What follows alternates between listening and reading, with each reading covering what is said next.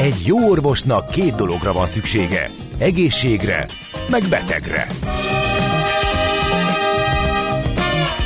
Folytatódik a minden hétköznap reggel jelentkező tünet együttes. Villás reggeli, a gazdasági Muppet Show. Mindennapi orvosság sorvadás ellen. Kérdezze meg orvosát, gyógyszerészét. A Millás reggeli főtámogatója a Schiller Flotta Kft. Schiller Flotta is rendtakár. A mobilitási megoldások szakértője a Schiller Autó tagja. Autók szeretettel. 8 óra 9 perc, a jó reggelt kívánunk. Hapci. Nem hapci ez.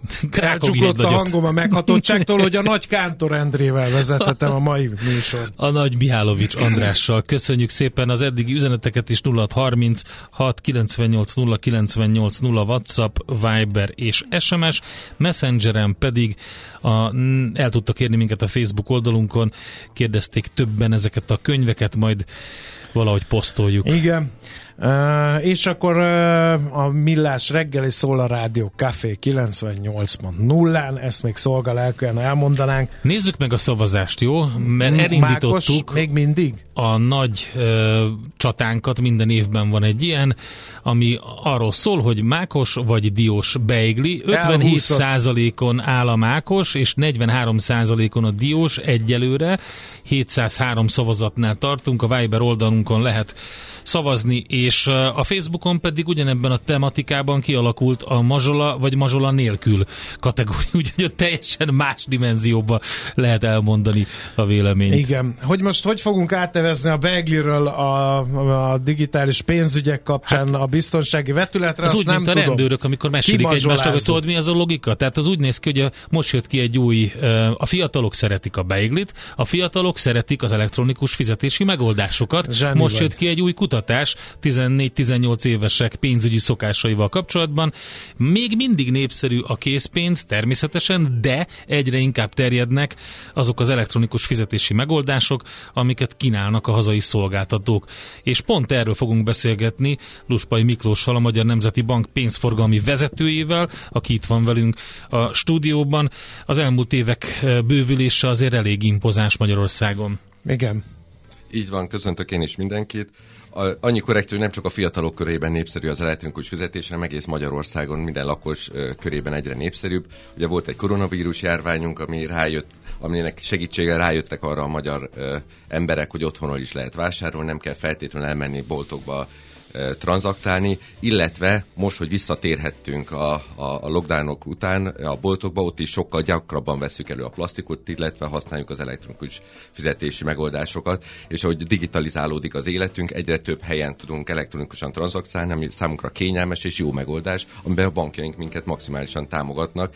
Tehát ez már nem igaz az, hogy csak és kizárólag a fiatalok, nyilván ott sokkal magasabb ja, nem, arányban. Csak, bocsánat, ez a legfrissebb kutatás, az csak ezt nézte a 14-18 éves ö, korosztályt, és hogy a náluk mennyire egyre népszerűbb a, a sztori. Egyébként teljes Magyarországot tekintve több kibocsátóval, szolgáltatóval szoktunk beszélgetni, és azt lehet látni, hogy, hogy eléggé jó, jól áll Magyarország ebben a tekintetben. Így van, tehát egy országos szinten olyan 30-40 százalék között már a tranzakcióknak az aránya elektronikusan történik. Budapest ebből természetesen kilóg 50-60 százalék közötti arányjal bír az elektronikus fizetés, és ugye bár azokban a régiókban is nagyon drasztikusan és erőteljesen jön fel az elektronikus fizetés, ahol ugye kevésbé e, edukált a lakosság. És ebbe ugye a kormányzat is nagyban segítette az intézményeket, meg a, a cégeket azzal, hogy kötelezővé tette az elektronikus fizetés uh-huh. elfogadását, és mi azt szoktuk mondani, hogy mi alapvetően szeretjük a készpénzt. A készpénz egy nagyon jó megoldás, de van más megoldás is, és hogyha a lakosságnak egy olyan megoldást, ami biztonságos, és ezt kínálják mind a, a bankok, mind pedig az üzletek, akkor igenis a magyar lakosság függetlenül a korától, függetlenül az iskolai végzettségétől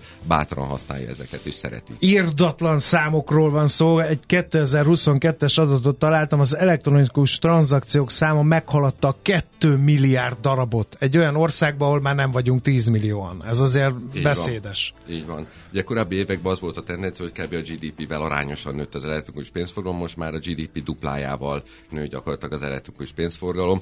Ugye azt szoktuk mondani, hogy van egy kritikus tömeg, tehát hogy azt látjuk, hogy a boltba előttünk így használják a telefonjukat vagy a kártyákat, akkor én is megkérdezem, hogy hogy használtad, és akkor onnantól kezdve én is is erre rámegyek erre az újfajta megoldásra, és itt tényleg az a kulcs, ugye amiről fogunk beszélgetni, hogy biztonságos legyen ez a fizetés megoldás, és kényelmes és könnyed legyen, és az életünkhöz uh-huh. hozzá tegyen, és akkor viszont a lakosság ezt előszeretettel használja. Na már, ha a biztonság szó szóba került, akkor menjünk is rá erre a témára, hogy az MNB hogy látja, mennyire biztonságos lehet fizetni elektronikus úton.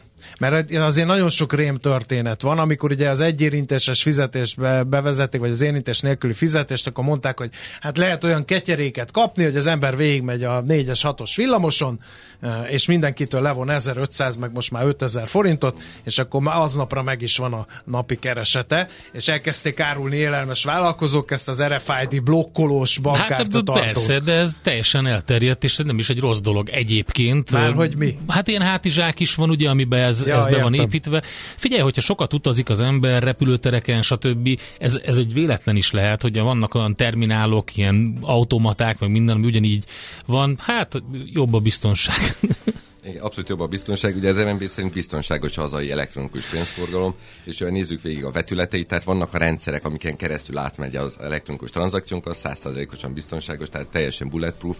Ugye azokban támadás nem fordult elő, és nem is fordult elő. Vannak a banki rendszerek, olyanról se hallottunk, hogy banki rendszerekbe ugye hackerek bejutottak, és van a leggyengébb láncem a lakosság, és ugye ezért erről kell beszélgetni, ugye a csalók, Ugye a Bankszövetségnek a főtitkára mondta, nem is olyan régen egy konferencián, hogy gondoljunk bele, hogy mikor volt legutolja erre a bankrablás Magyarországon. Nem volt bankrablás. Ugye rájöttek a bűnözői csoportok is, hogy nem az a megoldás, nem úgy tudjak legkönnyebben a pénzünkhöz hozzájutni, hanem hogyha minket megtévesztenek, rávesznek minket arra, hogy mondjuk egy átutalást teljesítsük az ő számukra, hát vagy mondjuk pedig pont most a napokban az egyik fizetési szolgáltató, ami nagy bankhoz kötődik, az ő a szolgáltatásához jutottak hozzá, ahol ugye kétfaktoros autentikáció nem volt, és ezt be is kapcsolták egyébként most kötelezően mindenki számára.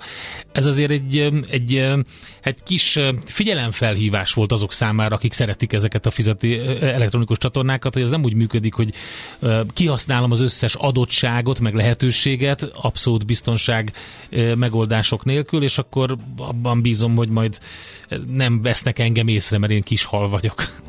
De már észre kell használni az elektronikus fizetéseket, tehát ugye mi is azt szoktuk mondani, ugye, hogy három védelmi vonal van alapvetően. Ugye van a lakosság, aki, ke, aki indítja a tranzakciókat, amiket most megpróbálnak a csalók ugye mindenféle pszichológiai manipulációval begyűjteni, de mi ugye a másik védelmi vonalban pontosan a hitelintézeteknek, a pénzformi szolgáltatókra célzunk, hogy ő nekik adtunk ki egy ajánlást, hogy hogyan kell a rendszeréket úgy kialakítani, hogy mondjuk fölvegyék azokat a jeleket is, amiket adott esetben egy családtranzakció okoz, illetve a harmadik lépés pedig az lesz, hogy Magyarországon világon egyedülálló módon lesz egy olyan központi csalásszűrő rendszer, amiben az összes Magyarország elektronikus tranzakció be fog érkezni, és egy scoring értéket, tehát egy ilyen csalás gyanút fog visszaadni a hitelintézeteknek fél másodpercen belül, és az alapján a hitelintézet el tudja dönteni a saját rendszere alapján, plusz ezzel a rendszerrel együtt, hogy az ügyféltől kére még egy megerősítést arról, hogy ezt a tranzakciót biztosan ő szeretné elindítani. Uh-huh. Egyébként a Nemzeti Bank, mint ugye felügyelő hatóság, gondolom monitorozza a módszereket is. Ezekről hallhatunk, hogy mik a legelterjedtebb módszerek? Ez azért fontos, mert hogy a kedves hallgatók akkor tudják, hogy mire érdemes figyelni. Mikor kell körültekintőbbnek lenni az átlagosnál, hiszen pont az az előnye ezeknek az elektronikus fizetési megoldásoknak, hogy nagyon egyszerűen, nagyon gyorsan lehet őket használni. Nem nagyon szoktunk elgondolkodni előtte, hogy akkor most csippancsunk, vagy rá kattintsunk el a dolgokra, és ez talán baj. Igen, mi azt szoktuk mondani, hogy ha akár egy-két másodpercig az ember átgondolja, hogy ezt a tranzakciót tényleg el akarja indítani, akkor már nagyon sokat érünk el vele.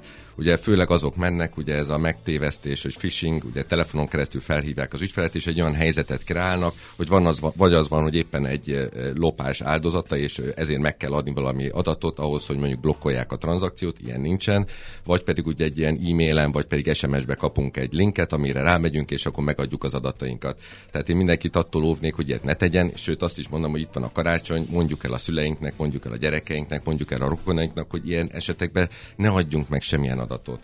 És azt szoktuk még mondani, hogy ugye dolgozunk azon, hogy mondjuk ne lehessen a telefonszámokat hamisítani, és mondjuk ne azt lássuk, hogy mondjuk valaki ismert jó barát hív minket föl, vagy mondjuk a bankunk, de ameddig ez nem lép életbe, tehát nem tudjuk ezt megtenni, hogy a bankokkal közösen addig viszont, ha minket felhív a bankunk, köszönjük meg a hívást, tegyük le, és mi magunk hívjuk vissza a hitelintézetet hogyha kapunk most ugye karácsony környékén, sok Jézuska most már a, a webáruházakból szerzi be az ajándékot, nagyon sok ilyen csomagról kapunk értesítést, minden fontos információ benne van, el tudunk menni a ilyen automatákhoz, ki tudjuk venni, nem szükséges rámenni a linkre. Tehát legyünk óvatosak, gondoljuk át, hogy tényleg szükséges-e megadni. És a harmadik nagy ilyen terület, hogyha értékesítünk Hát már eleve, valamit, már eleve a linkre rákattintani van, igen, a legtöbb esetben rossz, úgyhogy fölösleges, és nagyon sok ilyen van. A, ráadásul a csomagküldéssel kapcsolatban ugye most elterjedt módszer az, hogy utánvéttel majd megoldják, ma kiküldi a, a termékért a, a futárt, még hogyha én eladó vagyok akár a, a, a különböző közösségi piactereken, akkor is ő kiküld egy futárt, és majd ott megoldják egy készpénzzel, vagy valahogy, de, de onnantól kezdve, hogy, hogy bonyolódik a sztori, és nem egy hivatalos webshopon keresztül hivatalos fizetéssel történik a dolog, már gyanakodni kell. Igen, meg olyan is van, hogyha mondjuk másodlagos piactereken adunk el, amit azt mondják, hogy megerősítsék, hogy én tényleg akkor ja, igen. utaljak egy forintot, vagy igen, igen. Tehát ugye gondoljuk át, hogy ezekre nincsen szükség, hogyha mondjuk vámkezelési díjat szeretnének kérni, meg ilyesmi, nincs ilyen. Tehát Magyarországon nincs ilyen, ezeknek ne dőljünk be, és ez nagyon fontos elmondani, hogy hogy tényleg olvassuk el ezeket, köszönjük meg, és ne reagáljunk ezekre, mert akkor, hogyha mi... Ez a gyanús mozgást vettünk ki, észre a számláján, ez most a, a legújabb sláger, az elmúlt héten legalább három ismerősömet ezzel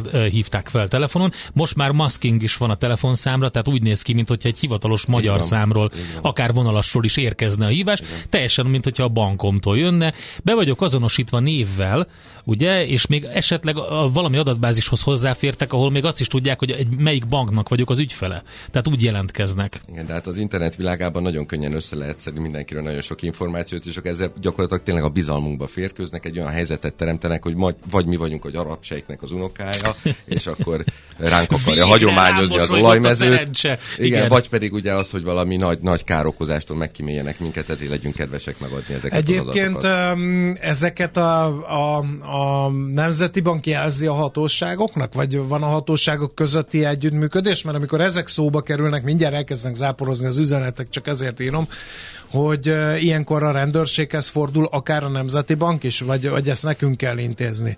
Ugye az a legjobb, hogyha bármilyen esetből csalás áldozatai ne szégyeljük ezt, tehát mondjuk el a hitelintézetnek, illetve rögtön tegyünk egy feljelentést is, mert ugye a rendőrség is egy ilyen 300-as kibervédelmi hadosztályt létrehozott pont ezek miatt a csalások miatt, így a karácsony időszakra, meg a Black Friday miatt, és ahhoz, hogy ők tudjanak lépéseket tenni, ezeket a számlákat blokkolni tudják, ahhoz ugye el kell, hogy jusson hozzájuk az információ. Természetesen jegybank is, meg a hitelintézetek is folyamatosan kapcsolatban vannak a bűnözési szervekkel, mert az alapvetően ezek nem pénzforgalmi kérdések, hanem bűncselekmények. Igen, csak ugye azt nem győzzük hangsúlyozni, és akkor ebbe a beszélgetésben is mondjuk el, ha én adom meg magamtól az adataimat, azzal a hatóság nem nagyon tud mit kezdeni, sajnos. Mert hogy ott egy, és a bank sem. Tehát ugye, ha én azt mondom, hogy egy rossz számra, egy rossz embernek, egy csalónak megadom az adataimat, és én igenis akarok utalni, akkor, akkor azt nem lehet visszatartani, azt a tranzakciót, vagy csak nagyon nehezen. Ugye ez szakzsargban súlyos gondatlanságnak hívják, tehát hogyha én adom meg ezeket az adatokat, és valóban így lopnak meg engem, akkor a hitelintézet azt fogja mondani, hogy én közre játszottam, közreműködtem ebbe az egészbe, és akkor nem kell neki visszaadni ezeket az összegeket. De ez nagyon fontos, hogyha viszont én nem működök közre a csalókkal, akkor gyakorlatilag nulla annak a valószínűség, hogy én egy csalás áldozata leszek. Tehát beszélgettünk arról, hogy mondjuk ilyen James Bondos módon lehet hallani ilyen dolgokról, hogy így megszerzik az adatokat, rátelepítenek valamit a gépre, nem. Tehát a 99,9%-ban én valamilyen módon közre játszok megadom az adataimat, föltelepítem azt a szoftvert, amin keresztül látják. Amire, igen. Így van, így uh-huh, van. Uh-huh. Tehát, hogyha mi ezeket az alapszabályokat betartjuk, akkor teljes mértékben biztonságosan tudunk tranzaktálni. És még egy reklám helyét, ugye van a Kiberpazs együttműködés, amely ugye Magyarországon nagyon ritka ez az összefogás, hogy tényleg három minisztérium, az NMHH, Kibervédelmi Intézet, az ORFK, Magyar Nemzeti Bank hozta ezt létre. Ugye ez egy reklámkampány is, de van egy honlap is, amire nagyon érdemes fölmenni és végignézegetni, mert a legújabb csalás típusokat bemutatják, bemutatja, elmagyarázza, hogy hogyan lehet védekezni, elmondja azt is, hogy hogyan lehet tenni, akkor mit kell tennünk abba az esetben, hogyha csalás áldozatai van, segítséget nyújt nekünk, tehát ajánljuk, hogy ezt mindenki tényleg részletesen nézze végig, és akkor ebből nagyon sokat tudunk tanulni. Egyébként az MNB oldalain is lehet tájékozódni, de ráadásul itt van ugye ez az Európai Uniós irányelv, a DORA névre hallgat, ami a digitális biztonsági irányelv. Erről mit lehet tudni?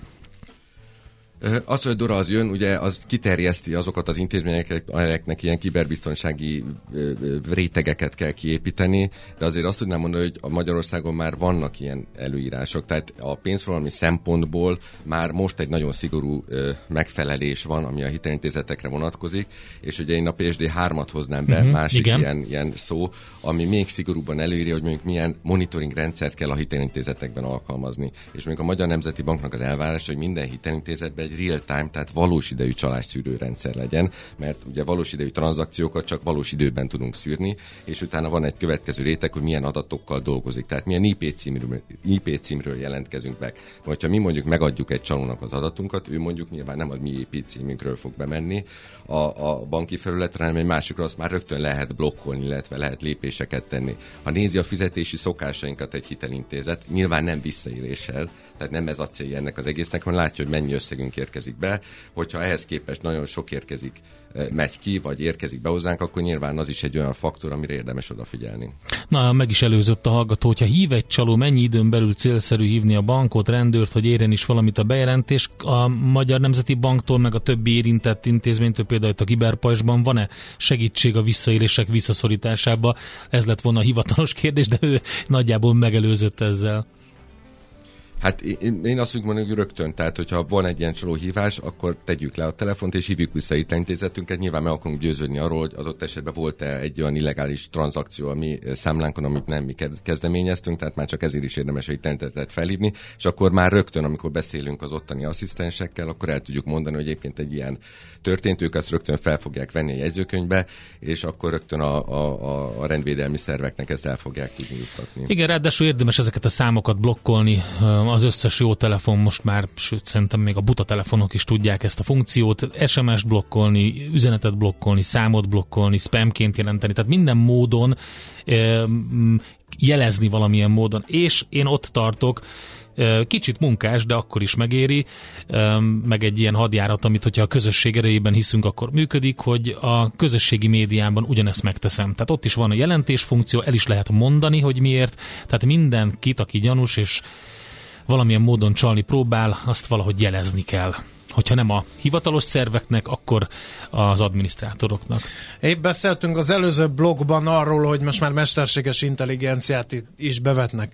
E, egy kicsit e, arról még beszéljünk néhány szót, hogy nyilván most éppen ez megy, hogy e, felhívnak, hogy a bankunk és gyanús tranzakció, megkattint csak a linkle, mert csomagom érkezett, és a többi, és a többi, és vámkezelési díjat szeretnének adni, de hogy ez akár ez a kiberbajzs együttműködés, vagy bármi egyéb, ez fókusz fókuszál a jövőre is? Tehát ezt is monitorozzák, hogy nem most, hanem mondjuk 2024-ben, ha beszélgetünk decemberben, akkor miről fogunk beszélgetni, hogy eh, az elektronikus fizetési eh, megoldásokat mivel támadják a rossz emberek? Így van, igen, fókuszálunk abszolút arra, mondom, a másik védelmi oldalban mondjuk a hitelintézetek vannak, tehát ott ugye azért adott ki az MNB egy ajánlás, mert mi látjuk az összes hitelintézetnek a rendszerét. Nyilván egymásnak ezt nem mondják el, de mi ebbe az ajánlásba beraktuk azt, hogy miket lehet felépíteni ahhoz, hogy ez nagyobb valószínűséggel fogja meg a csaló tranzakciókat illetve ez a központi fraud rendszer, ez tényleg mesterséges intelligenciát és machine learninget fog használni, és ezek nem csak ezek a magic word amiket mostában sokat pufogtatunk, hanem ténylegesen ő azt fogja figyelni, hogy van-e olyan atipikus számlamozgás az én számlám esetében, ami esetében magasabb scoring értéket kell adni, illetve, hogyha mondjuk a te számlád esetében volt egy ilyen visszaélés, az nyilván bejelentette a hitelintézet, eljut a rendszerbe, és egy nagyon hasonló történik a kollégádnál, akkor rögtön egy ilyen scoring értéket uh-huh. fog adni, még abban az esetben is, hogyha mondjuk ez normálisnak tűnne.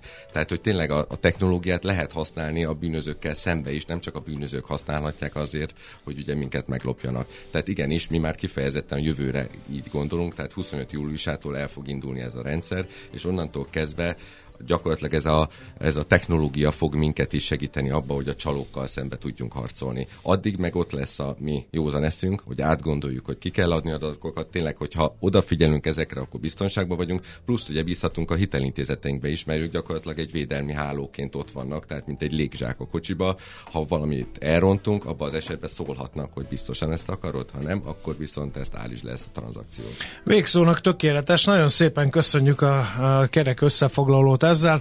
Nem akartunk senkit megijeszteni, mert időnként mindig egy-egy téma kapcsán Dehogy felmerül. Nem. Meg akartuk ijeszteni.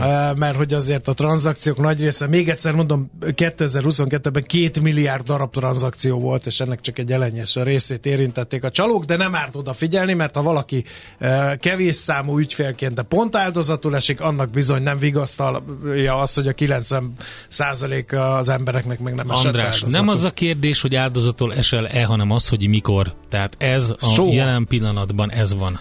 Jó, nagyon szépen köszönjük Luspai Miklósnak a Magyar Nemzetiben. Igen, igen, igen, nem, hallottam, nem ez, hogy hallottam, én ezzel nem értek egyet egyébként. Ugye azt mondják egy kicsit olyan, mint ez a koronavírus járvány, hogy ugye nyájimmunitást kell szerezni. Én azért bízom benne, hogy nem kell mindenkinek elkapni a vírust, nem kell mindenkinek Reméljük. áldozatának lenni, mert nagyon könnyű a védekezés. Tehát ugye ahogy a kézmosás meg a maszk volt annó, most, hogyha tényleg nem dőlünk be, nem vesszük, nem adjuk meg az adatainkat, nem megyünk rá a linkre, nem, nem, nem akarunk vámot fizetni, meg ilyesmi, akkor biztonságban vagyunk. Igen, tehát akkor nem áldozatul javítom magam, sorra kerül. Sorra kerül mindenki, csak nem biztos, hogy áldozat lesz. Ha odafigyel, akkor nem. Oké, okay, köszönjük szépen. Elfogadjuk a bocsánat kérésedet, Endre. Köszönjük szépen Luspai Miklós, hallottuk tehát a Magyar Nemzeti Bank pénzforgalmi vezetőjét.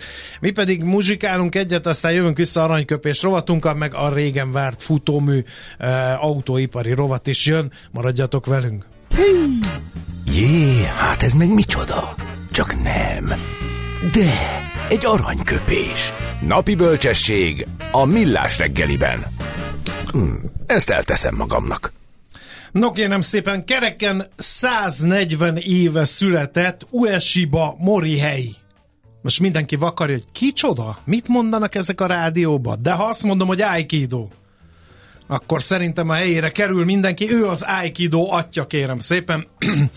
És, hát annak hát, idején, amikor játszott az Oviban, a homokozóban, akkor csak el akarták tőle venni a kis katanáját, és nem engedte. Azt gondolta, hogy ez így nem lesz, és röpködtek a gyerekek össze-vissza, mert a saját testsúlyukat használta ki ellenük. Igen. Ezt csinálta a kis Uesiba. Aki látott Steven Seagal filmet, az tudja, hogy miről szól az Aikido. Én kérek elnézést. Lehet, hogy maga Mori hely is meg orrolna rám, ha most ezt így egy mondatba tettem őt és Steven Seagal, de hát szerintem a fent nevezett színművész nagyon tiszteli USI-ba Mori helyét, akár csak mi, vagyis hát én legalábbis, mert én voltam a szerkesztő, és úgy gondoltam, hogy ne csak mindig filozófusok, politikusok, Miért az Aikido nem filozófia? Is. Belecsúsztál. Igen.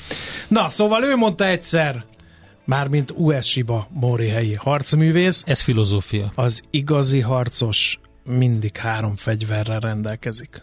A békesség ragyogó kardjával, a bátorság, bölcsesség és barátság tükrével, valamint a felvilágosodás értékes drága kövével. Figyelj, András, nem akarlak savazni, de azért ez, ebben minden volt. Filozófia, romantika, költészet, meg egy jó adag izé, édesség, mert szóval jobb, jobb, hogyha inkább harcoló esiba, szerintem. Ez, nem. De ez, ez ez annyira szirupos volt, Olyan hogy ez mély annyira filozófiai volt, vitát robbantották ki egy jó harcosnak, volt. pont ezekkel a szirupossággal Mi? is rendelkeznie Mi? A fel, kell. A felvilágosodás értékes drága köve kell egy jó harcosnak.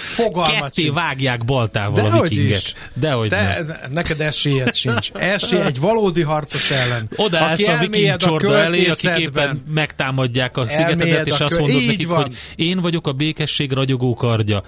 Nem mondani kell, Endre hanem így kell a küzdelemben részt venni, de hát gyöngyöt a disznók elé. Elnézést, mester, nem tudtam, hogy ilyen lohat viselkedés lesz az aranyköpés Jönnek a vikingek, mester, én vagyok a felvilágosodás nem. értékes drága A köve. műszer neked egy fal, A garázs egy szentély? A sebről a váltó jut az eszedbe? Zavar, ha valaki ellel mondja a rükvercet? Akkor neked való a futómű, a millás reggeli autóipari rovata. Hírek, eladások, új modellek, autós élet. Kressz. Hát kérem, kérem szépen, itt van a, igen, a... Itt a Magyar Villanyautó támogatás, és a bölcsesség és barátság tükrével közelítünk Várkonyi Gábor autóipari szakértőhöz, aki szerintem a vár a telefon másik végén, és a felvilágosodás értékes drága kövével fog szolgálni. Szevasz! Jó reggelt kívánok ismét valamelyik reptéről, és azt tudom mondani, hogy aki békét akar, az készüljön a háborúra. Na, ugye. Tessék, tessék, még egy, még egy filozófus. Igen. Na, szóval itt a Magyar Villanyautó támogatás, egy gyors recenziót, tévedés, légy Nincs itt, itt a tervezet, majd akkor lesz itt, amikor megjelenik a közlönyben jövő ö, csütörtökön éjjel kettőkor. Igen, de szerintem amit a legtöbb ember meglepetéssel fog konstatálni, vagy már lehet, hogy meglepetéssel konstatált, attól függően, hogy elolvasta-e a tervezetet vagy sem, hogy milyen nagy összegekre lehet számítani abban az esetben, hogyha valaki ugye cégként szeretne magának villanyautót vásárolni, függően attól, hogy mekkora akkumulátor kapacitású autóról beszélünk, itt ilyen 4 millió forint körüli összegeket is zsebre lehet tenni, idézőjelben, ami az egy elég jelentős tétel. Biztos? Hiszen olyan 10, igen, tehát azért egy, egy, egy 15-16 millió forintos autóból egy 4 millió forintot állami támogatásként bezsebelni, az szerintem már egy egészen vállalható szintre viszi le Figyelj, most nem, nem savazni akarlak téged sem, de most tényleg a, a 15 milliónál is jár a 4 millió, vagy pedig inkább a 20 millió körüli autóknál jár a 4 millió? Tehát, hogy hol tartunk itt? Ez egy 20% körüli támogatás, vagy azért nagyobbat is lehet hasítani? Azt hiszem, hogy eleve 20 környékén van vége a játéknak, ha, Aha, ha, minden, ha minden igaz, valahogy így van a tervezet, de a tervezetre még azért nem tennék nagy hogy mondjam, hangsúlyokat, mert azért tényleg akkor fogjuk látni, mi a konkrétum, amikor, amikor ez törvényi szintre lép. A 20 millió forint egyébként azt kontextusba helyezve azért egy villanyautónál nem a, nem a luxus kategória, de annyiért már lehet venni olyan autót, amivel mondjuk egy egy kedvező körülmények közötti 3-4-500 kilométeres hatótávot meg lehet tenni. Okay. Ez lényeges. A pici autók, mert ugye lesz valami olyan kategória, ami nem sokkal van 10 millió forint fölött, a tervezet szerint ilyen 12-13 millió forintokról beszélünk, meg ugye hoz kötött támogatásról, amit én némiképpen azért furcsálok, mert hogy miért pont akukapacitás az, ami ezt megmutatja, az számomra nem teljesen egyértelmű, de hát valahogy sávozni kellett a dolgot, ezt is értem. Ezzel együtt egyébként nem értek egyet semmiféle szubvencióval ebben a kérdésben, sem, sem máshol, sem nálunk, sem sehol. Leginkább egyébként azért, mert szerintem ez hosszú távon inkább gátolja a dolgokat, mint, mint amennyire segíti. De ez most egyenlőre így lesz, és valószínűleg ez kellett ahhoz, hogy legyen itt nekünk egy kínai autógyárunk is, ami ugye még mindig nincsen hivatalosan bejelentve, de milyen iparági plegykák szerint azért ez a két hát, ügy, tehát az a támogatási rendszer, meg az a, az a gyár, az valahogy azért kéz a kézben jár. Értem. Um, Oké, okay, itt azt mondja a kedves hallgató, ami megfogalmazódott már sok mindenkiben, amikor az egyéni vállalkozóknak a támogatását néztük, hogy na, már megint a taxisok járnak jól az egyéni vállalkozó közül. Hát, most erre egyébként azt mondom, hogy éppenséggel az nincs ellenemre, hogyha villanyautókkal fogunk taxizni a városban, tehát az, azért az, szerintem az mindenkinek jó. Jó a taxisnak, jó a városnak, jó nekünk ezzel, ezzel nekem úgy alapvetően nincsen problémám, máshogyan meg ugye nem lehetne lecserélni taxis fizetésből idézőjelben ilyen drága autókra az előregedő taxis autóparkot, tehát ezzel, ezzel speciál egyébként nincsen bajom, sőt az általában egyébként máshol is valami hasonló mintázatot követ. Hát okay. reméljük, hogy ez a 30 milliárd forintos keretösszeg ez nem egy hét alatt párolog el, mint a legutóbb, Uh, nem, azért ez sok pénz, Endre. Uh-huh. Tehát, hogy ezt végig, végig számolod, azért ez Ez, ez, ez 4 millió forintosával, ugye. De a Gede azt mondta, hogy nem éri meg, úgyhogy ennyi. Ezzel el is van intézve az egész kérdéskör. Bár, bármit, amit bármit, amit az életben nem tudsz eldönteni, megkérdezed Gedét, megéri, vagy nem éri meg, Igen. úgyis azt fogja mondani, hogy nem, Így és van. tovább. Ő a bölcsesség Igen. és Az egész karácsonyra tükre. is ezt mondja egyébként. Tehát maga a karácsonyi ünnepkörre nem is ezt mondja, mondja, hogy ezt, nem éri meg. Nem mondja ezt, azt nem mondja, hogy az ajándékozás, azt, azt, azt kell átgondolni. az őrült roham a hát. teljesen fölösleges ajándékokért, és azokért a dolgokért, amiket egyébként nem akartunk megvenni, az nem éri meg. Igen, jó, jó, de hogy jön ez az autós rovatba? Teszem én fel a kérdést, de nem várok rá választ, hanem menjünk tovább a következő témára. Mégpedig Igen, arra, egy, hogy láttam egy érdekes tendenciát, hogy elkezdődtek, de ilyen brutális leépítések a német autóiparban, és a, beszáll, tehát, hogy a beszállítóknál, a nagy beszállító cégeknél is. Hát mi folyik ottan a Faterlandon? Hát, csak, csak az, amit előre elmondtunk, hogy eh, agyatlan eh, szabályozással agyatlan eredményeket fogunk eh, megkapni. Tehát eh, semmi újdonság nincs abban, ami történik a merev határidőkkel, szubvenciókkal és politikai megfelelésből gyártott modellpalettákkal, amit a piacgazdaság kiiktatásával próbálunk létrehozni, az fog történni, ami történik, hogy nem, nem jönnek azok az eredmények, még közel sem, mint amit reméltek mondjuk bizonyos hajtások eladásai kapcsán. Egész egyszerűen gondba van a teljes európai ágazat, mert 2035 az nem igazán tartható, az, azért gyakorlatilag most már mindenki kimondja az iparágban, legalábbis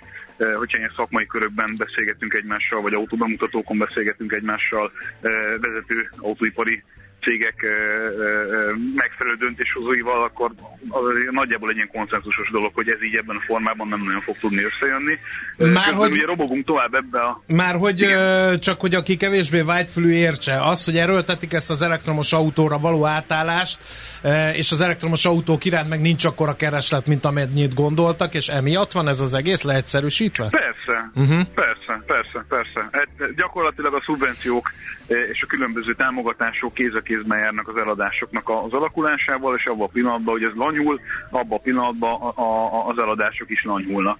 Csak akkor, amikor ugye törvényi erővel rá van kényszerítve mindenki arra, hogy ebbe az irányba menjen, miközben egyébként nem ezzel keresik a pénzt, akkor ugye ott van az az óriási dilemma, hogy mikor húzódjanak vissza egy üzletekból, amivel egyébként meg lehet élni, és mennyi pénzt, és milyen hamar tegyenek el valamire, amiből egyenlőre nem lehet megélni. Egyébként többek között pont amiatt, mert a szubvenciók tervezhetetlenné tesznek nagyon fontos indikátorokat, mint például a maradványérték. És ez nagyon szeretném hangsúlyozni, mielőtt itt a, a, az SMS falatokat elárasztja a, a, a szent háború a villanyautóért, hogy ez nem a villanyautó ellen szól. Ez, ez egészen egyszerűen az ellen szól, hogy a politika ilyen mértékben beletegye a kezét valamibe, amit a piacnak kéne szabályozni, mert hosszú távon mindig jobb mindenkinek az, hogyha nem a politika dönti el, hogy merre megyünk tovább.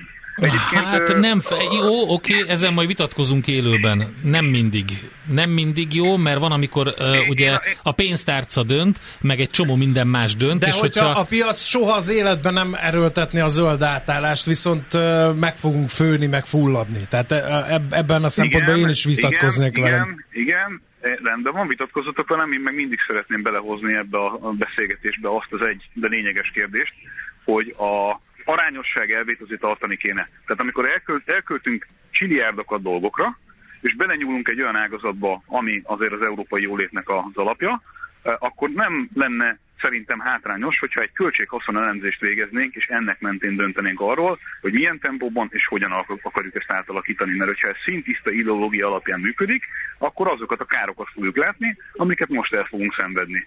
Hatalmas leépítések, hatalmas jólétveszteség, és egyébként még azért hozzátenném azt is, hogy beszállítói szinten gyakorlatilag nettó exportőrökké válunk éppen ezekben a pillanatokban, ami azt jelenti, hogy a nagy beszállítóink Európából ugye export irányba hatalmas ö, ö, pénzeket tudtak realizálni, tehát na- nagyon sok pénz, nagyon sok hasznot termeltek az európai nemzetgazdaságnak, csak hogy ugye a, az akkumulátorra való áttéréssel ezek a pénzek, ezek gyakorlatilag nem Európában landolnak, hanem Kínában okay. lényegében. Még egy uh, témakört uh, említettél itt, mikor felhívtalak, hogy uh, nagyon uh, csökkent egy másik statisztika is, uh, hogy uh, keres, egy kereskedésre, vagy hogy van? A kereskedőket érintő statisztikáról van szó, hogy lebontva visszaesett az egykereskedések által eladott autóknak a darabszáma, tehát nagyon így atomizálódik van, a piac?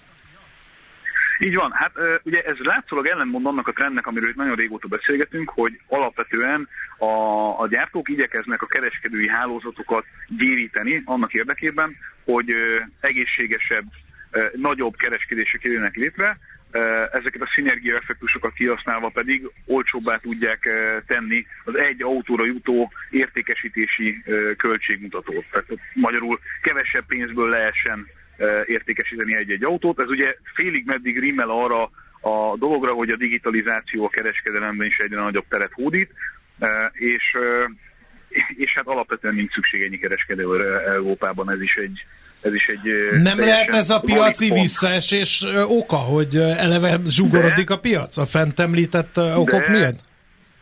De, illetve ugye ez egy 2023-ra lévő statisztika lényegét tekintve, tehát ugye az aktuális évre, és amikor ez készült, akkor az év elejétől fogva, akkor még mindig nagyon jelentősen benne volt a képletben a szállítási nehézség. Tehát, hogyha nem tudnak elég autót szállítani a gyártók, akkor értelemszerűen csökken az egykereskedésre jutó eladott autóknak a száma. De most egy annyira alacsony számot látunk, amit 15 éve nem láttunk, tehát a 2008 óta nem voltak ilyen dráma, ilyen gyenge számok. Ez azt jelenti, hogy Összesen átlagban 233 autót, új autót értékesített egy kereskedelmi pont az európai autópiacon, miközben ez mondjuk a Covid előtt még 330 darab autó volt. De azért ez, egy eléggé jelentős különbség. Igen. A, ami nagyon érdekes, hogy ha mondjuk egy, egy brit hálózatot nézünk, akkor érdemes megemlíteni, hogy ezt tartják a legjobbnak lefedettség és, és egészséges volumen szempontjából itt még a rosszabb időkben is, amiket most élünk, még, még most is az elég jelentős darabszámot tudtak elérni, az azt jelenti, hogy 388 autót adtak itt elkereskedésenként, tehát majdnem a dupláját gyakorlatilag annak, ami az iparági átlag. Itt egyébként arról beszélünk, hogy nagyjából Európa szerte 44.600 kereskedelmi pont van, és kb. olyan 83-84 ezer szervizpont, az általában mindig a duplája az egyik a másiknak. Tehát ahol új autót adnak el, ott az, az mindig egy kisebb, mindig, mindig egy, egy, egy uh-huh. érebb hálózat, mint maga a szervizhálózat. Azt még hozzá kell tenni, hogy eleve olyan 2%-kal csökkent a, a 2023-ban a teljes európai hálózat, és itt még jóval nagyobb csökkenéseket fogunk látni a következő időszakban. Egy pár alapvető új jövevény az, aki, mint például egyébként a Tesla, vagy akár az MG, akik növelték a hálózatukat, tehát ez ebben az irányba pozitívan befolyásolta a, a, a számokat, de ami ami nagyon érdekes, hogyha még a brit példát néznénk, hogyha a kereskedések fele megszűnne azért az egy elég, elég durva forgatókönyv, akkor is az átlagos elérhetőség 17 percről csupán 21 percre nőne, hogyha felhasználói szinten néznénk a, a hálózati lefedettséget. Vagy egy másik mutatót mondva, azoknak, akik kevesebb, mint 30 perc alatt a következő értékesítési vagy szervizponthoz tudnak elérni, azoknak az aránya 93%-ról 82%-ra uh-huh. esne csak vissza, ha a felét elvinnénk okay. a hálózatnak. Jó. No, ez, hát ez akkor... egyébként azt jelenti, hogy, hogy, hogy autónként közel 400 eurót lehetne spórolni az értékesítési költségeken. Oké, okay, legyen ez a végszó, meg közben lepergett a, az adásidő. Nagyon szépen köszönjük, Gábor, jó utat, és akkor legközelebb folyt köv. Oké? Okay? Jövő héten. Sziasztok! Köszönjük, szerbusz! Szia, szia! Szép napot! Várkonyi Gábor autópiaci szakértővel beszélgettünk. Most leparkolunk, de jövő héten megint indexelünk és kanyarodunk, előzünk és tolatunk a Millás reggeli autós rovatában. Futómű. Élet négy keréken.